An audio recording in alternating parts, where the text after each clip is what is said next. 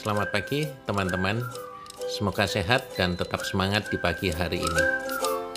Mungkin Anda pernah memberi selamat kolega Anda setelah yang bersangkutan naik panggung karena cabangnya menjadi juara. Misalnya jadi cabang pengumpul nasabah terbanyak tahun itu. Semua orang berdecak kagum bisa mengumpulkan nasabah sedemikian banyak di tengah suasana ekonomi yang lesu.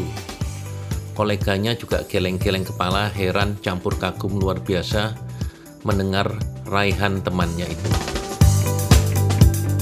Menjadi juara artinya semua orang memandang kagum ke cabang tersebut. Siapa ya pemimpinnya? Siapa ya karyawannya? Caranya seperti apa ya? Cabang tersebut menjadi pembicaraan. Seluruh insan yang ada di bawah cabang tersebut tentu bangga sekali dan juga bisa menikmati beberapa privilege seorang juara. Mungkin promosi, bonus ekstra, insentif tour, dan lain-lain. Kita memang hidup di tengah masyarakat yang memang memandang tinggi seorang juara. Siapa yang juara pertama? Siapa pemenangnya? Itu yang selalu ditanyakan. Semua berkompetisi berlomba sekeras-kerasnya untuk jadi juara.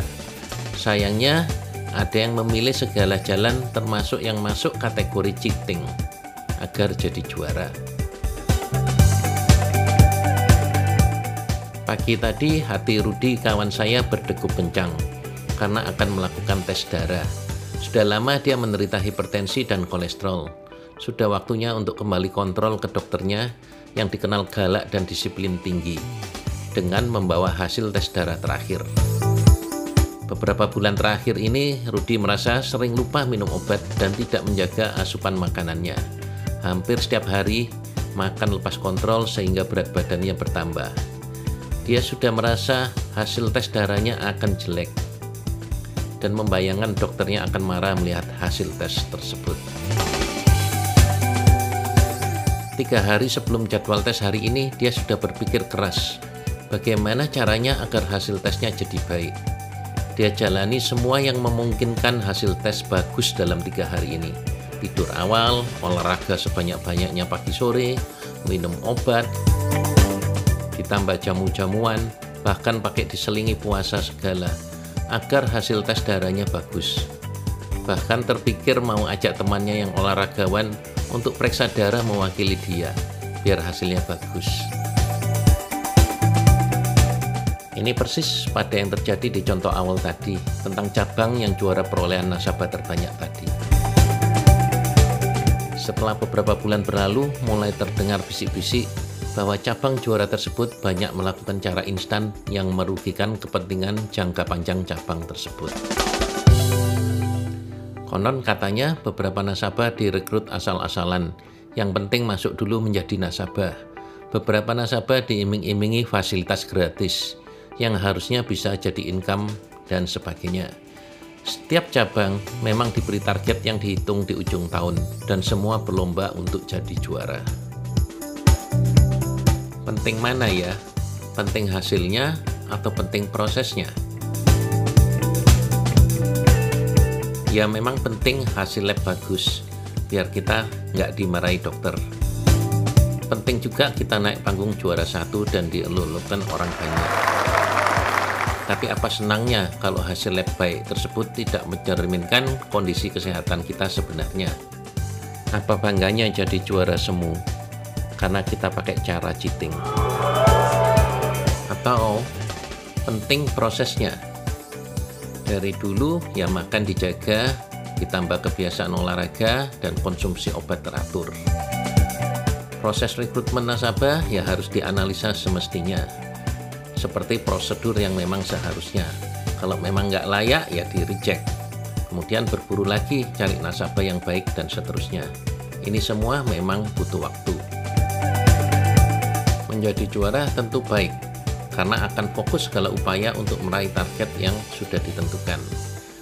Tetapi menjadi juara haruslah menunjukkan keberhasilan setelah berbagai proses yang dilalui, setelah melalui proses yang benar.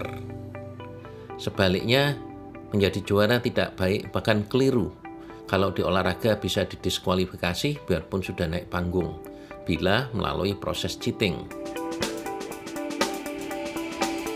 Seringkali ambisi menjadi juara yang terlalu besar bisa menyerumuskan seseorang untuk mencari dan menggunakan jalan pintas instan yang merugikan di kemudian hari. Faktor butuh waktu lama dan sering kali garis finish sudah dekat. Dan kalau target juara sudah dicanangkan, maka sering kali target diuber dengan segala cara. Target yang sudah ditetapkan harusnya diraih melalui suatu proses, di mana ada kemungkinan kesalahan yang dilakukan, dikoreksi, dicoba lagi, demikian seterusnya. Proses seperti ini mengasah kemampuan kita dan menghasilkan skill dan kebiasaan yang berguna di kemudian hari. Bila proses ini berjalan dengan baik dan lancar, maka sebenarnya akan mengarah pada pencapaian target yang diinginkan. Juara sejati membutuhkan waktu, membutuhkan proses dari satu tahap ke tahap yang lain untuk menjadi matang dan mumpuni. Dalam dunia olahraga dibutuhkan banyak latihan dan sparring partner yang membutuhkan banyak waktu, butuh kesabaran, butuh determinasi. Anda lebih mementingkan hasil atau proses, memang tergantung situasi. Dalam situasi yang urgent dan dihadapkan banyak pesaing yang berebut, Seringkali kita dituntut menang cepat, sering dengan sadar diraih dengan biaya berapapun, atau bahkan biaya mahal lainnya, seperti misalnya mengorbankan pertemanan atau relasi.